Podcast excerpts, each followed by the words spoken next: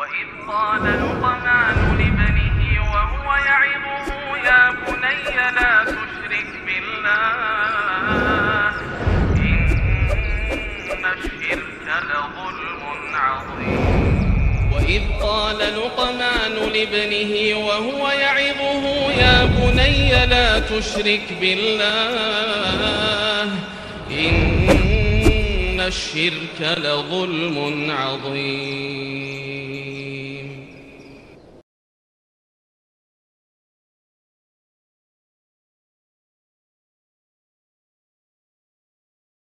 Assalamualaikum warahmatullahi wabarakatuh. إن الحمد لله نحمده ونستعينه ونستغفره ونعوذ بالله من شرور أنفسنا وسيئات أعمالنا. من يهده الله فهو المهتد ومن يضلل فلن تجد له وليا مرشدا. أشهد أن لا إله إلا الله وحده لا شريك له وأشهد أن محمدا عبده ورسوله الذي لا نبي بعده. وقال الله سبحانه وتعالى يا أيها الذين آمنوا اتقوا الله حق تقاته ولا تموتن إلا وأنتم مسلمون. يا أيها الذين آمنوا اتقوا الله وقولوا قولا سديدا. يصلح لكم أعمالكم ويغفر لكم ذنوبكم. ومن يطع الله ورسوله فقد فاز فوزا عظيما. يا أيها الناس اتقوا ربكم الذي خلقكم من نفس واحدة وخلق منها زوجها وبث منهما رجالا كثيرا ونساء. واتقوا الله الذي تساءلون به والأرحام. إن الله كان عليكم رقيبا.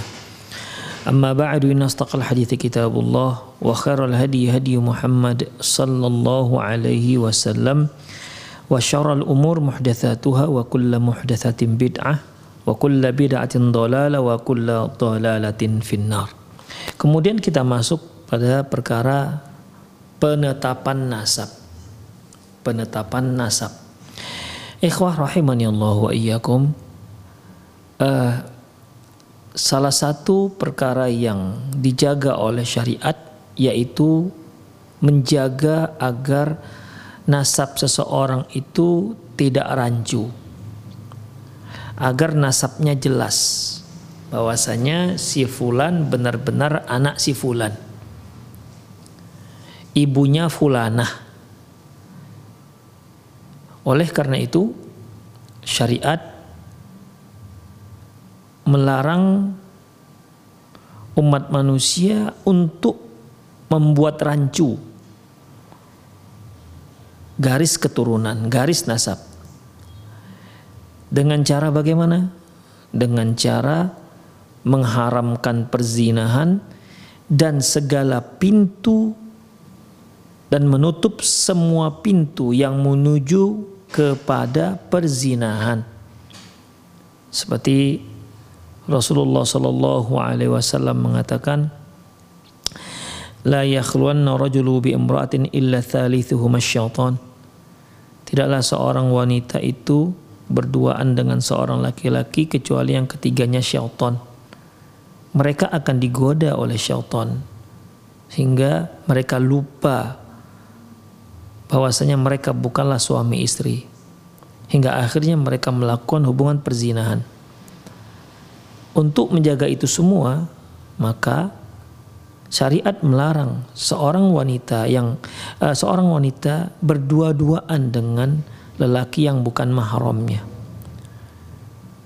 Demikian juga Rasulullah Shallallahu Alaihi Wasallam bersabda, li ayyuta'ana ra'su rajulin bimikhyatin minal hadid khairum min ayyamussa khairun min ayyamassal mar'atu la yahillulah la tahillulah Sungguh kepala seseorang itu ditusuk dengan besi, dengan paku besi, itu lebih baik ketimbang dia menyentuh wanita yang bukan mahramnya, ketimbang dia menyentuh wanita yang tidak halal baginya.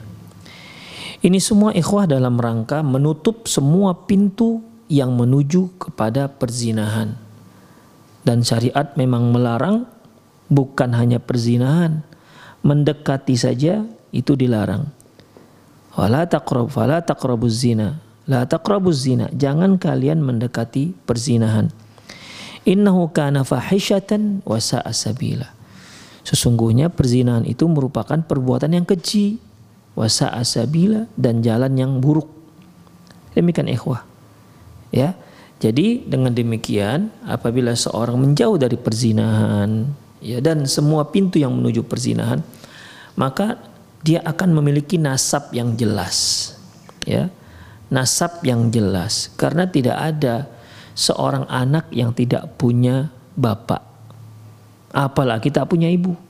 Lebih mustahil lagi. Ya kecuali Isa ibnu Maryam. Nabi Isa alaihissalam memang tak punya ayah. Ya, memang tidak punya ayah.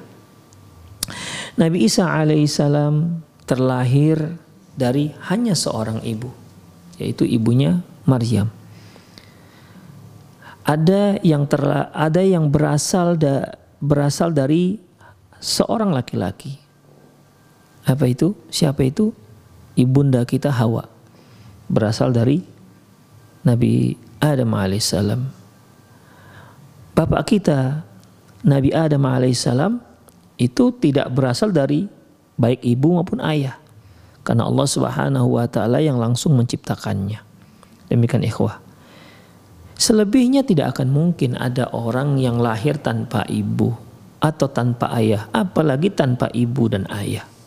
Demikian. Ya.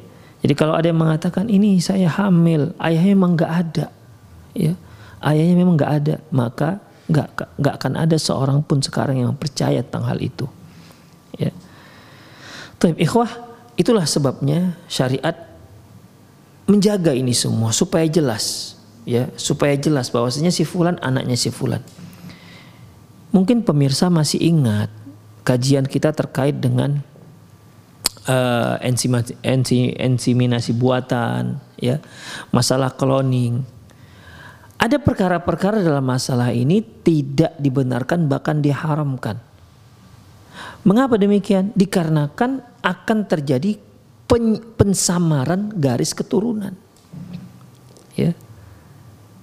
Jadi segala perkara yang dapat menyamarkan, membuat apa namanya, membuat garis keturunan, garis nasab menjadi tidak jelas, maka ini diharamkan oleh syariat. Ya, ini diharamkan oleh syariat. Demikian ikhwah. Jadi di sini ya, pelajaran berikutnya ini yaitu terkait dengan subutun nasab wa wantifa'uha wantifa'uhu. Penetapan nasab dan dan apa namanya? dan peniadaan nasab kapan seorang itu dikatakan nasab, memiliki nasab dengan ayahnya, dan kapan juga tidak dikatakan dia punya nasab dengan ayahnya.